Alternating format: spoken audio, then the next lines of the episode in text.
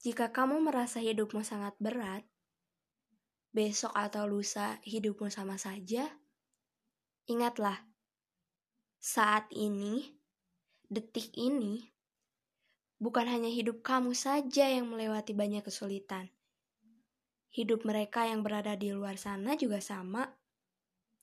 Jadi, jangan pernah merasa bahwa hidupmu lah yang paling sulit. Jika menurutmu hidup orang lain terlihat baik-baik saja, itu belum tentu. Mereka mungkin pandai menyembunyikan masalah. Mungkin di depan orang lain mereka terlihat baik-baik saja.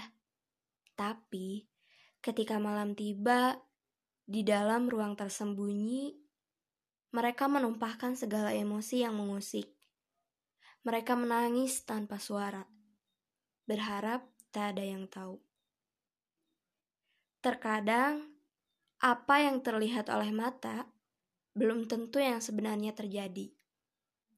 Ingat ya, kamu boleh capek, kamu boleh mengeluh, kamu boleh menangis, tapi jangan lama-lama ya.